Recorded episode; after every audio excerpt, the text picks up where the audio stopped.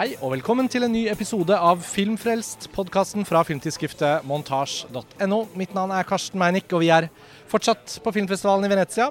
Forrige episode så sa vi jo hei og hva vi gleder oss til og sånn. og nå er det på en måte den første fulle dagen, og vi har sett Michael Manns nye film 'Ferrari'. Og Det er den vi skal snakke om i hovedsak. Med meg rundt bordet har jeg som sist Benjamin Yazdan. Hallo. Hei, Benjamin. Lars Ole Kristiansen. Hei, Karsten. Hei, Lars Ole. Og Hedda Robertsen. Hei. Så jeg sa vel i forrige episode at ved siden av at det er Michael Manns Ferrari jeg gleder meg mest til, så er kanskje The Killer av David Fincher neste på listen. Typ. Så jeg kjente litt i morges på at det var forventninger i luften. Lars Ole, vi snakket om liksom Black Hat var liksom den forrige filmen, og det begynner å bli noen år siden. Ja, Um, og jeg tror Montage kanskje var det eneste tidsskriftet i hele verden som satt den så høyt. For det var jo en film som eh, stort sett fikk eh, dårlig mottagelse, men som ble høyt elsket eh, av veldig mange av våre bidragsytere, Mm. og som endte opp på andreplass, mener jeg å huske, eh, på vår Ja. felles eh, liste for eh, det filmåret. Ja, og på 90-tallsskåringen vår i sin tid så var det jo ikke noen tvil om at Michael Manns Heat, ikke minst, skulle komme høyt. Benjamin, jeg vet at det er en film du også holder veldig høyt, sånn som meg. Um, men Hedda, sånn, både 90-tallsskåringen og Black Hat var jo før din tid. Hva, hvor står du Michael, med Michael Mann? Ja, jeg likte også veldig godt Heat. Black Hat har jeg faktisk ikke sett, så den har jeg tenkt å se snart. Men vi så også The Thief nå i sommer, og jeg syns han er virkelig god på underholdningsfilm som også er eksperimentell da, og sanselig og veldig sånn suggererende nesten. Mm. Så jeg hadde også egentlig høye forventninger i, i dag morges. Og Ferrari, altså Ferrari, det sier seg jo selv. Det er jo en biografisk film om Enzo Ferrari og det året i hans liv 1957. Og i hvert fall Lars Ole jeg rakk å snakke om at ok, for å kunne diskutere denne filmen, så diskuterer vi jo hva den forteller om. Og mange kjenner jo Ferraris eh, åpenbart bilen, men liksom også dramatikken i hans liv. da. Så jeg tenker Det er naturlig at vi bare snakker om alt som skjer i filmen, for det er kjente biografiske ting. Og hvis noen av lytterne ikke vet noen ting om Enzo Ferrari og bare vil møte denne filmen helt uten å vite noe, så kan de jo spare denne episoden. Eh, Men spoilere føler jeg ikke det er, for det er liksom noens livshistorie. Så det at den også begrenser seg til ett år av hans liv, da. eh, Jeg forbinder jo ikke deg med sånn bilkultur og bilinteresse, Lars Ole. Hvor, hvor mye visste du om Ferrari egentlig? Jeg er jo ganske begeistret for noen bilfilmer, da. Og er vel blant eh, de aller største fansene av Ron Howards Rush fra 2013. Eh, og den var jo en film som jeg eh, hadde liksom litt bak øret idet jeg hørte at Michael Mann skulle sette i gang med en film om Enzo Ferrari. Men, og det var jo også i de årene etter at Rush hadde premiere. Ja, Dette prosjektet har jo vært på planen for Michael Mann veldig lenge. Ja, for det har vært et slags evighetsprosjekt og et hjertebarn for Michael Mann å få gjennomført. Jeg husker at jeg på et tidspunkt tenkte at det, dette blir sikkert ikke noe av. Og så ender ikke Michael Mann opp med å lage flere filmer. Eh, men eh, så gjorde han jo et comeback med eh, Tokyo Vice. Og han hadde regien på pilotepisoden der, som er eh, ut, utrolig god. Mm. Uh, og beviste egentlig at han fortsatt har det i seg. Mm. Så, og det bidro jo eh, ytterligere til å, å gjøre at forventningene til en ny kinofilm av Michael Mann, uh, som handler i hvert fall til dels om bilracing uh, Nei, altså, jeg vet ikke. Jeg har, jeg har hatt veldig store drømmer om denne filmen.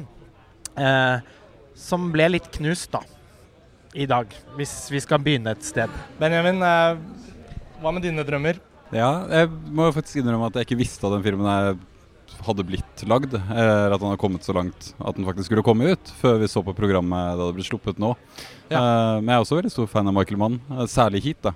Ja. Jeg er nok egentlig større fan av Heat enn eh, Michael Mann-fan per se. Ja. Vi så jo Thief nå i sommer, og jeg syns også den er helt fantastisk. Litt sånn som en nattportjern, liksom? At Ja. du er mer nattportjern-fan Ja, enn Kavani? ja, bortsett fra at jeg har sett flere Microman. Ja. Ja, det er det. Um, jo, jeg har også Black Hat, da, selvfølgelig. Som også var Karriere Cinema var det andre tidsskriftet i verden som hyllet den da, som et stort mesterverk. Og det, det syns jeg også den er. da. Men når det gjelder bil, så har jeg absolutt heller ikke lappen. Men, det, tror jeg, det tror jeg lytterne kan høre. Nei, det tror jeg også. Men jeg er veldig glad i Crash. Jeg tror du er en, en, kanskje den siste personen jeg tror jeg ville sittet på med uh, i en bil. Hvis du ja, satt bak rattet. Ja, I like måte. men, men, uansett. Så flotte komplimenter dere gir hverandre. Ja, enig. Men jeg hadde en to-treårsperiode da jeg var liten, altså sånn åtte-ni-ti år, som hadde alt å gjøre med at foreldrene mine skulle kjøpe en ny bil etter å ha hatt en veldig gammel Mitsubishi lenge. Så kjøpte jeg bilblader, og så ble det flere bilblader. Og til slutt så begynte jeg å samle på bilblader. Da. Men det var først og fremst personbiler. Altså Jeg var ikke interessert i racing eller farten eller spenning. Jeg ville ikke være med i bilen. Men jeg likte å se på ulike personbiler og farger ja. og modeller og ja, ja, Toyotaer og Subber og det hele. Det, det stoppa, det. Og siden har jeg aldri vært interessert i bil, og jeg kommer kom jo ikke til å ta lappen. på en måte Men, Men Ferrari, det. Ja, og, og Ferrari, og bilkjøring og racing og, og så videre. Så skjønte jeg jo underveis at jeg har jo faktisk i hvert fall lest meg litt opp på italiensk bilindustri, i og med at Agnelli, eh, som nevnes som en av de andre store bil, eh, racerbilkonsernene i Italia, er da drevet av Agnelli-familien som tidligere eide Inter Milan, klubben, som ble solgt til en kinesisk eh, superrik forretningsmann for et par år siden. Og det er et sånn dynasti i Italia. Som står bak Fiat. Og, ja, og, og det, det, blir jo liksom en dramatikk i filmen som du nevner mm. der, rundt nettopp det at gamle penger og, og, forholdet mellom kapital og på en måte kunst. da, For man kan jo si at Enzo Ferraris interesse for racing overstiger på mange måter det å selge biler og ha et sånt bilimperium. Og det er jo på en måte noe av myten i hans biografi, da. Var at hva kommer først? Uh, selge biler og være et liv laga produksjonsselskap av bil, eller å lage biler som kan kjøre fort og vinne bilrace og få anerkjennelse av det.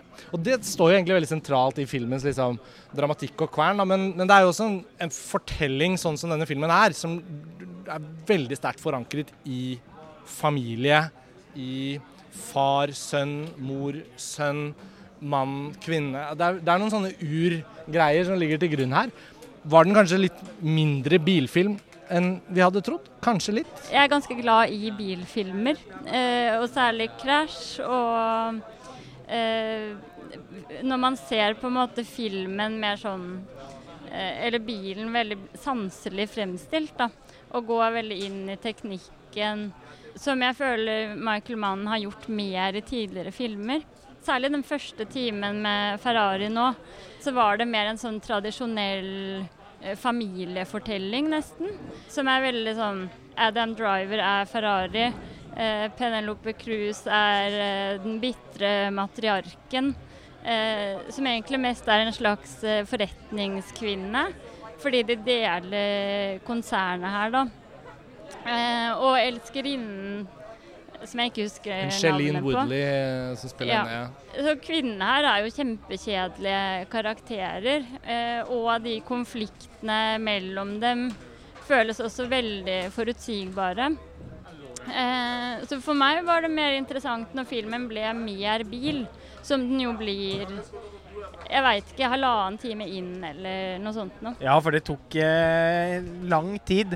Jeg sitter igjen med veldig samme opplevelse som deg. Da, at eh, denne slags familiekrøniken med eh, relasjonen mellom eh, Ferrari og ja, Penelope Cruz sin rollefigur står veldig sentralt. Jeg, synes, jeg ble umiddelbart lite interessert i den. Eh, Penelope Cruz syns jeg overspiller. Altså, det blir litt for mye Gaspacho til å kle Michael Manns ellers ganske sånn kjølige eh, stil. Adam Driver syns jeg er god. Eh, det handler mye egentlig om hans fysikk og hans dype røst, for det gir ham en naturlig og troverdig autoritet som uh, gjør at han bærer den rollen godt. Uh, selv med italiensk aksent. Dette er jo litt en europudding. Jeg ble ja, så nylig The Girl with the Dragon Tattoo av Fincher. Eh, hans eh, versjon av Stig Larsson-filmatiseringen. Det er litt av den samme som fremmedgjøringseffekten som inntreffer etter sånn par minutter når Adam Driver hever den dype røsten sin og sier på sånn velklingende parodi-italiensk ja, det, jeg, jeg har fått litt av lasset der også, helt i begynnelsen. Altså, det. det må sies her at filmens første ti minutter var helt ekstraordinært svake. Jeg kunne nesten ikke tro det. Altså Jeg syns denne filmen åpnet så svakt at jeg nesten ble helt sånn i sorg. Ikke sånn sur over at 'å nei, det er en dårlig film', men fordi forventninger spiller inn på hva man vet at er mulig. Og så sitter jeg i åpningen av filmen scene etter scene i hele den liksom veldig ekspositoriske åpningen og tenker dette her er bare helt kjørt. Dette går ikke. Fra det smakebitaktige første, som er en sånn sort-hvit montasje av gamle, ekte bilder sikkert, kombinert med veldig utroverdige nye bilder av Adam Driver som Enzo Ferrari bak rattet i yngre dager. Sydd inn med gammelt arkivmateriale. Også i svart-hvitt og med korn. Men sånn, Skikkelig sånn kald klut i ansiktet med en gang. så dårlig. Og så de første par Man, man forventer jo at Michael Mann, som, som også ofte er så god til å åpne filmene sine Tenk på Miami Vice, Mm. eh, Universal-logoen, som eh, tones over i eh, en Diskokule. til Ja. Og så er filmen i gang. Ikke noe fortekst, ikke noe Altså, Nei, og Det var noe av det første jeg sa til deg da vi kom ut. Etter ti minutter så kommer det første bildet av en bil som skulle vært starten på filmen. Der! Hadde han bare startet der, hoppe over ti minutter med sånn informasjon som vi egentlig kommer til å skjønne senere likevel. Så det er sånn nesten du får lyst til å ringe inn. Jeg er jo ikke personlig gi råd til Michael Mann, jeg skjønner forskjellen. Men du får liksom lyst til at de bare skulle fikset det Ja, før den kommer på han på har jo i mange av filmene sine hatt en litt sånn elliptisk stil, i The Insider f.eks. Ja. Og Black. Hat. Ja, ja. Og Miami Vice. Noe av det som egentlig overrasket meg mest, var hvor konvensjonell Ferrari var. Eh, I måten den var fortalt på, i sitt visuelle uttrykk. Den er fotografert av Erik Messerschmidt, som har blitt den faste fotografen til Fincher etter at han ble Netflix-regissør. Og han vant jo en svært velfortjent Oscar for Mank. Og jeg er eh, helt vondbråten over hvor lite samarbeidet mellom Messerschmidt og Mann har, i, I hvor liten grad det har båret frukter. Da, for filmen ser kjempekjedelig ut.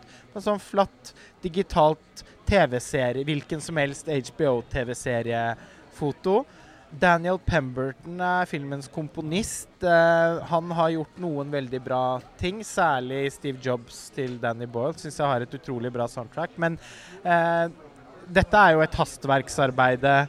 Og med Man så er jeg egentlig vant til I alle fall i sin senere fase så har jo Michael Mann vært veldig god til å selv være en slags sampler eh, og brukt utsnitt av eh, allerede eksisterende musikk egentlig i større grad enn originalmusikk. Elliot Golden Tall sine komposisjoner i Heat og sånn er på en måte mer sånn bindeledd mellom Moby og Lisa Gerard og uh, Terje Rypdal. Og Lisa Gerard Ja, dukker opp her òg, det, det syns jeg var litt herlig. Men, Plutselig men, så Gjenbruket av den. Ja. men det var, den var dårlig musikklagt og stusslig fotografert, og det syns jeg er sjokkerende med tanke på at det er en film av Michael Mann. Og selv om den kalde kluten går igjen hos flere av oss, så føler jeg jo liksom at det du var inne på, Hedda, om at den tar seg opp når den blir mer bil, det kjente jeg veldig på, da. Så når du ga din beskrivelse, og jeg sa de første ti minuttene nesten fikk meg til å begynne å gråte, så syns jeg jo faktisk filmen kom skikkelig i gir, da. Og det gjorde at den siste timen så var jeg egentlig litt sånn OK, men da er det jo faktisk blitt en ganske god film. Eh, så jeg landet jo egentlig på en litt mer positiv tone enn den vi til nå har etablert, da. Ja, altså, jeg likte filmen kjempegodt, jeg. Sånn helt under ett. Jeg er jo ikke uenig i noen av vurderingene til Lars Ole, eh, men jeg endte opp med å liksom like den. Men jeg sitter jo ofte og tenker litt med et sånn mangelperspektiv. At det er en template i veldig mange av scenene som man kunne ha fått helt enormt mye mer ut av. Og så hvert eneste bilde så tenker man her mangler det 15-20 Michael Mann-aktige komponenter. For han er jo ekstremt god på sånn eh, egentlig historiefortellingsmessige ubetydeligheter, transportetapper, menn som drar fra ett punkt til et annet punkt i en by, Mm. blir ofte virtuosgjort hos han. Altså sånn Mm. Rene, liksom, ren visuell historiefortelling, da. Mm. Og det var det ekstremt, Veldig god på ja, nærbilder. Ja. Og ha, pleier å ha noen helt rå bildekomposisjoner Mm. med litt sånn bruk av split diopter og sånn, hvor det er sånn et nærbilde av et ansikt, men også et motiv langt i bakgrunnen. Han er jo ja. andre kanten av Han prøver jo det. Han, Ja. Det er ikke sånn at det er helt borte, Mm. men det er ikke nok, kanskje. Ja, det er en innzooming som Ja. jeg satte pris på. Ja. Det kunne han ha brukt mye mer av. Eh, for det, det virker litt sånn identitetsforvirra. Skal den være eksperimentelt digital, sånn som man har gjort med Black Hat og Miami Vice? Ja, det er ikke nok av det, så det ender på en måte opp som en liksom, digitalisering av en veldig flat Hollywood-estetikk for det meste. da. Og så syns jeg egentlig Jeg synes også den tok seg veldig opp under de bilsekvensene, men ikke ikke nok likevel. da. Jeg syns, jeg syns det som mangla, var at den kunne vært enda mer sånn fysisk, abstrakt, ren fart og spenning og farger som smelter inn i skjermen. At den ble liksom formeksperimenterende også i de bilscenene. Så det blir den heller ikke. Den er mye mer vellykka der. Det er mye mer spennende, det er mer pulserende og mer intenst. Men den når ikke noe sånn formnivå som er noe interessant, da, egentlig. Hva syns du om teksten her, Hedda? Teksten? Ja, liksom. Altså manus? Ja, på en måte. eller Jeg hang meg litt sånn opp i hva Ferrari selv snakker om eh, når han snakker om bilrace. Ja. Eh, for jeg tenker sånn Noe av det som er fascinasjonen, eh, er jo at det er så destruktivt. Det er jo helt absurd som eh, en sport. Eh, og han snakker liksom mye om eh, at det er en grusom glede og en dødelig lidenskap. Eh, og, og de liksom Det destruktive syns jeg jo eh, kjennetegner de Michael Mann-filmene jeg har likt selv, da. Men som ikke kommer fram i formspråket her, da, som Benjamin sier. Michael Mann er jo liksom ikke selv en særlig manusforfatter. I hvert fall aldri har det vært hans styrke opp igjennom. At han har på sine beste filmer kanskje også fått jobbet med veldig gode manusforfattere. Og jeg kunne liksom kjenne på savnet etter mer av den visuelle mann, men også veldig at dette manuset Det er noe tekst her som ikke burde fått være med fra siden og inn på lerretet. Og det er noen ord og noen metaforer om motorer og metall og sånn som jeg bare kjente at satt litt dårlig i munnen, selv om Adam Driver gjorde alt han kunne, liksom. Så det var også en sånn liten sånn skjevhet i filmen, følte jeg, hvor jeg tenker at Michael Mann, sånn Ta Thief, da, som dere akkurat har sett, liksom, en, en film hvor egentlig det kunne vært veldig mye av liksom infoen om det kup, han skal hit, han skal dit. Det er liksom sånn veldig mye sånn som kunne vært Men det er en film jeg husker som visuelt så sterk at man ikke henger seg opp i språk eller tekst. eller tekst. pri primært en visuell historieforteller. Eh, mens dette her er jo egentlig, i alle fall i lenge, da, en dialogdrevet film.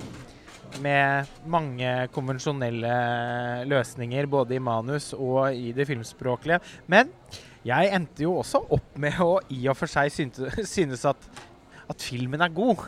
Fordi den tar seg virkelig opp, da. Når de scenene med bilracing eh, starter, og det blir flere og flere av dem, så er jo filmen vesentlig mer suggererende. Eh, og Michael Mann er fantastisk god på å bruke lyd, og han Altså Filmene hans har alltid noen partier som er sånn påfallende deilig klippet. Eh, det er vel Pietro Scalia som han har med seg her. Han var her også i dag på pressekonferansen. Vi så dem her um, før vi kom ned hit for å ta podkast. Uh, men jeg vil bare nevne han manusfatteren, for det sier litt om varigheten på prosjektet. da. Han, Troy Kennedy Martin, som har skrevet manuset, er kreditert alene. Han gikk bort i 2009. Så uh, det føles jo dumt å kritisere en som da allerede er ferdig for så lenge siden. Men det føles ut som det er et eller annet, en svakhet i manuset kombinert med at det er en biografi. Og det er noen hendelser i livene der som ikke automatisk blir til godt drama. Og når han legger så mye vekt på familiefortellingen, som du sa, Hedda, og han likevel bare vil lage den bilfilmen, føles det ut som, så blir det som en sånn motsetning fordi for biografiens liksom den knuten eller den, det uløselige du får av å lene deg på biografisk stoff, er at du kan ikke ta deg de samme frihetene. Nei, og man Og hvis man gjør at det, så får man så mye skjenn. Og så merker man jo at man er mest interessert i den racingen. Ja. Så da hadde det vært bedre med en, en fiktiv fortelling. Ja, det kunne Eh, vært liksom En voksenversjon av. Flåklypa Grand Prix. Ja. Det inntreffer jo på et tidspunkt en helt forferdelig ulykke. Som jo preget resten av livet til Enzo Ferrari. Fordi en av eh, hans uh, racerbilsjåfører kommer i skade for å uh, kjøre på en uh, slags uh, hump, eller en ting som ligger i veibanen. Som gjør at bilen spretter opp og treffer en stol stolpe og blir liksom smelt mot en folkemengde som eh, Og ender med å ta livet av er det fire-fem barn. Eh, og maltraktere enda flere. Og sjåføren blir delt i to. Det er en sjokkerende grotesk scene i en film som ikke har hatt noe tilsvarende fram til da. Den er i og for seg også veldig bra bygd opp, fordi en av de barna som blir smadret eh, skildres sammen med familien sin i en middagssituasjon hvor de sitter og ser på TV like før. Der er Michael Mann plutselig i klassisk form. Manipulativ og sentimental på en veldig kald måte. Ja, Mm. og det er han alltid veldig god på. Og så øh, blir det noen spekulasjoner knytta til at Ferrari på en måte ikke har lagt nok ressurser i dekkene, og at uh, bilen har punktert, rett og slett, og så må han på en måte stå til svars for alle de livene som har gått tapt. Eh, men så blir det bevist da at det var noe i veibanen som ikke skulle vært der. Og det er selvfølgelig den sanne historien, og det ville vært helt unaturlig for Man å ikke forplikte seg til den når han skal fortelle historien om Enzo Ferrari. Men i en drøm drømmeverden så er jo den egentlig spennende filmen ville jo vært hvis dette var en sabotasje, Blodstrupmoen-aktig, eh, og som eh, igangsatte en etterforskning. Og, og jeg, jeg tenkte noe av det samme da jeg så Oppenheimer i sommer, når eh, Christopher Nolan mot slutten av den filmen trommer opp en sånn twist, hvor vi skal tilbake til den samtalen mellom Oppenheimer og Albert Einstein. Hvis det hadde vært en originalskrevet eh, Nolan-film, sånn som man er vant til, så ville jo det vært en eller annen ting som ble sagt der, som gjorde at du plutselig så hele filmen i et nytt lys. Et sånt Møbius-bånd, narrativt Møbius-bånd som han er så glad i å, å implementere i filmene sine. Og så skjedde jo ikke det, ikke sant? fordi Einstein sier bare noe egentlig helt opplagt.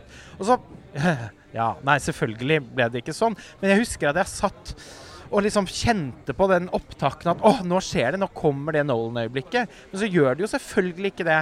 eh, Fordi virkeligheten er jo sjelden så spesialtilpasset eh, film. Ja. Og jeg satt igjen med litt av den samme følelsen her. At når filmen endelig virkelig blir engasjerende og spennende, eh, så, så lander den i en sånn Ja, forresten, det var bare noe som lå i veibanen, så alt gikk greit. Men det var veldig trist med alle som døde. Jeg også venta på noe der, eller trodde eh, Jeg venta på at det var på en måte Lamborghini, eller hva de konkurrentene Maserati. Ja, Maserati. At det var plassert, Ja, da. det tenkte jeg òg. Men, eh, I og med at det er en film jo vi ser, ja, så tenker man Ja. jo at det må ja. selvsagt Men da rundes jo filmen straks av, egentlig. Og den er jo inne på sånn, Det er også sånn ur-Michael-manns-konflikt. Eh, mannen som er nødt til å gjøre sine store bedrifter på en eller annen måte, og kvinnen som er livgivende kropp som venter hjemme. Eh, og det er, det er jo, kan man diskutere om er liksom mer eller mindre problematisk osv. Men sånn som Hedda også var inne på tidligere, så er den, det maskuline blikket i Michael Manns filmer, eller det maskuline universet, for det er det jo hypermaskuline univers eh, hele veien, er ofte integrert til et sånn formprinsipp som gjør det veldig interessant. Eh, det er helt liksom, det er, er helt uhemma maskulint blikk, men ikke gjort til en liksom sånn universell linse eller så videre. Men det ligger, ligger i selve formen, eller rastløsheten, eller i blikket, eller liksom adrenalin osv. Og, så og det kunne ha blitt så interessant med karosseri og destruksjon og dødsdrift og menn i biler i det hele tatt. Det er så et stort potensial akkurat der. Ja. Jeg syns også filmen er på sitt visuelt mest interessante når de bilene smadres midt i lufta. Yes. Ikke sant? Men det er ikke nok av det, på en Nei, måte. nei, og så føler jeg i hvert fall bare veldig kort at når det introduseres en samtale om hvordan en motor fungerer, der er det jo helt åpenbart at manuset og Michael Mann ønsker da på det tidspunktet i filmen å klare å binde opp hva det vil si å lage en bil, og hva en motor gjør, og hvordan den energien omsettes. Og for de som har det i seg til å bli racingsjåfører, liksom, da vet de at de setter sitt liv på spill. Og når ulykken da viser at Og dette er jo sant om veldig mange ulykker knyttet til sånn bilracing og sånn, er at det, i noen få tilfeller så er det selvfølgelig bare sjåføren, men veldig ofte er det jo flere tilskuere eller de som jobber på bilen, som kan ta fyr av bensin som lekker. Det er jo forferdelige ulykker i alle mulige sånne race. Men eh, at filmen som et slags filmkunstverk ønsker å etablere en metafor om å være liksom i pakt med motoren, der kommer det noe tekst som jeg syns var det jeg var inne på i stad. Som ja, jeg var syns svakt, sitter sånn- så svakt Ja, i munnen. sånn munnen. de, at det de døde i mitt metall Ja. Men han får ikke noe ut av den forsøksvise poesien. Og jeg tenker som deg, Benjamin, da, at det ville vært kjempeinteressant eh, i, om, om Man utforsket den dødsdriften. da. Fordi i hans tidligere maskulinitetsportretter så er det jo gjerne en dødsdrift, også i Heat. Ja, og når vi bare snakker om det, så tenker jeg bare på Heat. Apropos kvinnelige karakterer og hvor godt Ja, ja. Den er en supermaskulin film om det. Nettopp. Men eh, altså, både da kona til Al Pacino og stedatteren og Ashley Judd, som er kjæresten til Val Kilmer, og hun eh, Amy Brenneman-karakteren som Robert De Niro møter der på, i bokhandelen. Det er jo helt utrolig fine, viktige karakterer. Nesten sånn at filmen kunne ikke eksistert uten dem. Så at man, man har jo så mange eksempler på hvordan han har klart å bake inn det. Veldig Woodley i eh, Ferrari plukket noen ferskener og sov. Hun bretter noen ravioliputer opp på et tidspunkt. Som han i og for seg fikk veldig lite ut av hvis han først skulle gjøre henne til en tradisjonell quote on quote tradisjonell kvinne som står på kjøkkenet. Og Penelope Cruz gjør ikke noe annet enn å skrike eller gråte. Nei, for Hun føler jeg sånn, er egentlig ganske godt egnet til å være Eller til å spille stereotyper eller urbilder, da. Men da helst skutt av Almodovar. Ja. For jeg, her følte jeg at hun gikk ut av en Almodovar-film og, og inn i noe som nesten ikke kan bli mer forskjellig. Da. Det er det faktisk få to filmskapere andre- som har så lite til felles som Michael Mann og Pedro Men Almodovar. det er to andre som har gjort det også. Askar Farhadi i Eurokalkunen han lagde med Javier Bardem og Penelope Cruz. Ja. Hvor hun også har spasert ut av en Almodovar-film. og Woody Allen i Vicky Christina Barcelona, men der funker det veldig godt. Ja, der er hun jo helt Ja, og fantastisk. jeg må jo nå eh, sånn spidde din kritikk med vår lille uenighet, da. For jeg kom jo ut og tenkte Penelope Cruz var kanskje litt sånn en av de bedre her. Eh, og, og, Ja, det er- eh, og det Jeg kjente at Adam Driver var ikke helt på plass før han kom på plass. Og da syns jeg han fungerte bra. Mens Penelope Cruz var jeg mye mer eh, med, da. Men det var Jeg ser hva du mener. Men for meg var det, var det bra nok, da. Og det passet litt i tonefallet til filmen, egentlig. Det unner jeg deg i og med at dette var filmen som jeg vet at du har gledet deg mest til i hele år, Ja. og som du i dag ville gitt terningkast fire, vil jeg tro. Ja, jeg tror jeg sa det òg. Det er mange lyttere, og, og, for de av leserne våre som, som venter til å se filmen, som ikke hører den før senere, da. Vi vet jo at det er veldig mange av dere der hjemme som gleder seg til denne, akkurat som oss. Så det er ikke noe hyggelig å formidle at den er så ustor, får vi si det sånn, da. For jeg syns fortsatt den er en god film. Ja, ja, Og absolutt. Og det endte jeg med. Vi tegner av og til opp som... bilde av hermetegn sånn folk som sitter på sofaen etter en lang dag i et vanlig liv og ser en film. De får jo en film i Ferrari. Det er ikke sånn at jeg tror folk kommer til å sitte misfornøyde med dårlig smak i munnen Nei, og sånn. nei. Men altså, det, var, det er en helt respektabel eh, film. Det virker det som vi alle er enige om. Jeg syns det var underholdende, og særlig utover den siste timen, kanskje. Og, og, og som vi snakket om i stad, Hedda, så begynner jo egentlig det- Der er det jo en kime til eh, en tredje time som kunne vært enda bedre igjen. Eh, men virkeligheten setter sine begrensninger, og jeg føler nå med både Oppenheimer og denne at de også blir litt en påminnelse om at det nesten alltid er best å, å skrive noe originalt. Eh, eller hvis man, er, hvis man virkelig har teft for det, adaptere litt Kanskje ikke altfor god litteratur, eh, men det å basere seg på allerede eksisterende merkevare, allerede eksisterende virkelige fortellinger, er sjelden utgangspunktet for de helt store kinoopplevelsene. Med unntak Naturligvis, vi var helt Altså I fjor og i forfjor i Venezia så så vi jo henholdsvis Blonde og eh, Spencer, som jeg vet at alle her var veldig begeistret for. I og for seg filmer som særlig 'Blond' har fått veldig blant mottakelse. Og det har handlet egentlig mye om at den tar seg så store kunstneriske friheter. Nettopp at den forfatter på en måte biografier. Spencer, som du også skrev om, eh, Benjamin, som eh, tar de dagene fra juleferien til prinsesse Diana og på en måte smir en annen type biografisk fiksjon ut av det. da. Ja, jeg føler nesten at den type biografiske filmer om berømtheter trenger å ha en Kanskje ikke teoretisk, men i hvert fall en sånn kulturell årvåkenhet for hva popkulturell ikonografi og kulturell mytologi betyr også i selve formspråket. Da. Og Det mangler den filmen her fullstendig. Ja, det var nok en god del flere italienere i salen som humra av noen sånne eh, nærhistorieinnforståttheter, Ja, eh, tror jeg også. Men jeg vet ikke, jeg syns jo egentlig ikke, basert på denne filmen, at Enzo Ferrari virker som en så fantastisk interessant karakter. Nei. på en måte. Dermed Nei. sagt at nå var jo også den Berlusconi-filmen til Paolo Sorrentino helt grusomt dårlig. Eh, men det er fordi han har lagd filmer om Berlusconi i 20 år uten at Berlusconi har vært med i det. Ja, Men det er en helt annen sak, fiksjonsvarianter. Ja, Ja, ja, ja. for det- er et veldig interessant poeng, syns jeg. Ja, for den var en skam, den filmen. Eh, og føltes så overflødig, unødvendig. For som du sier, så hadde han jo laget en film i alle fall om Berlusconi-æraen allerede, med den store skjønnheten. Og jeg husker i ditt eh, fantastisk gode, synes jeg, essay om Blonde, at du jo også går litt til det litterære forelegget, da. Som jo, etter hva jeg har skjønt, eh, er utgangspunktet for de kunstneriske frihetene som filmen har fått veldig mye kritikk eh, for å ta. Ja, det er jo Joyce Carol Oates som egentlig har skrevet en roman. Så den er jo allerede en uh, skjønnlitterær bearbeiding som ikke liksom lener seg helt da, på biografiske uh, fakta. Og som løfter historien, syns jeg, da.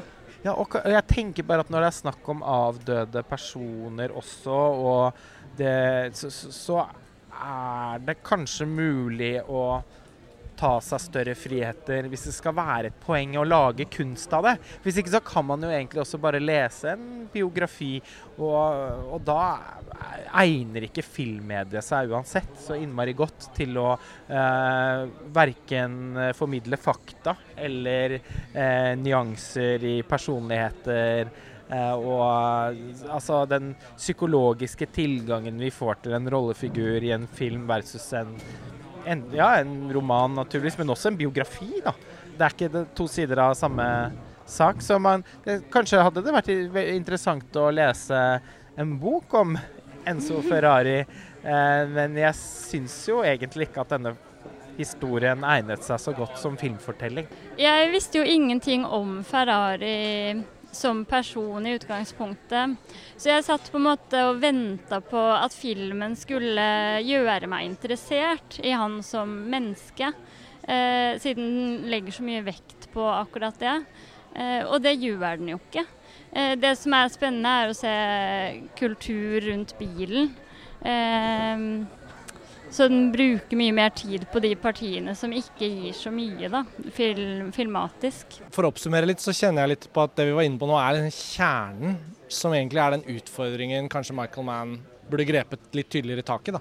At alt dette biografiske og forankringen i noe med forventninger og Ferrari, alt det liksom velkjente, det blir litt sånn perspektiv- og poesiløst når det bare gjøres sånn som det er gjort her. Da. Det er litt vanskelig å beskrive det på podkast, så jeg får bare tenke at lytterne får tenke på dette når dere ser filmen, om dere er enige med oss eller ikke, men, men, det hadde denne filmen virkelig trengt.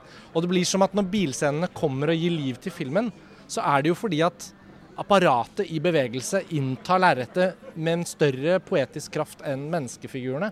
Og dermed tar liksom filmen fyr, da.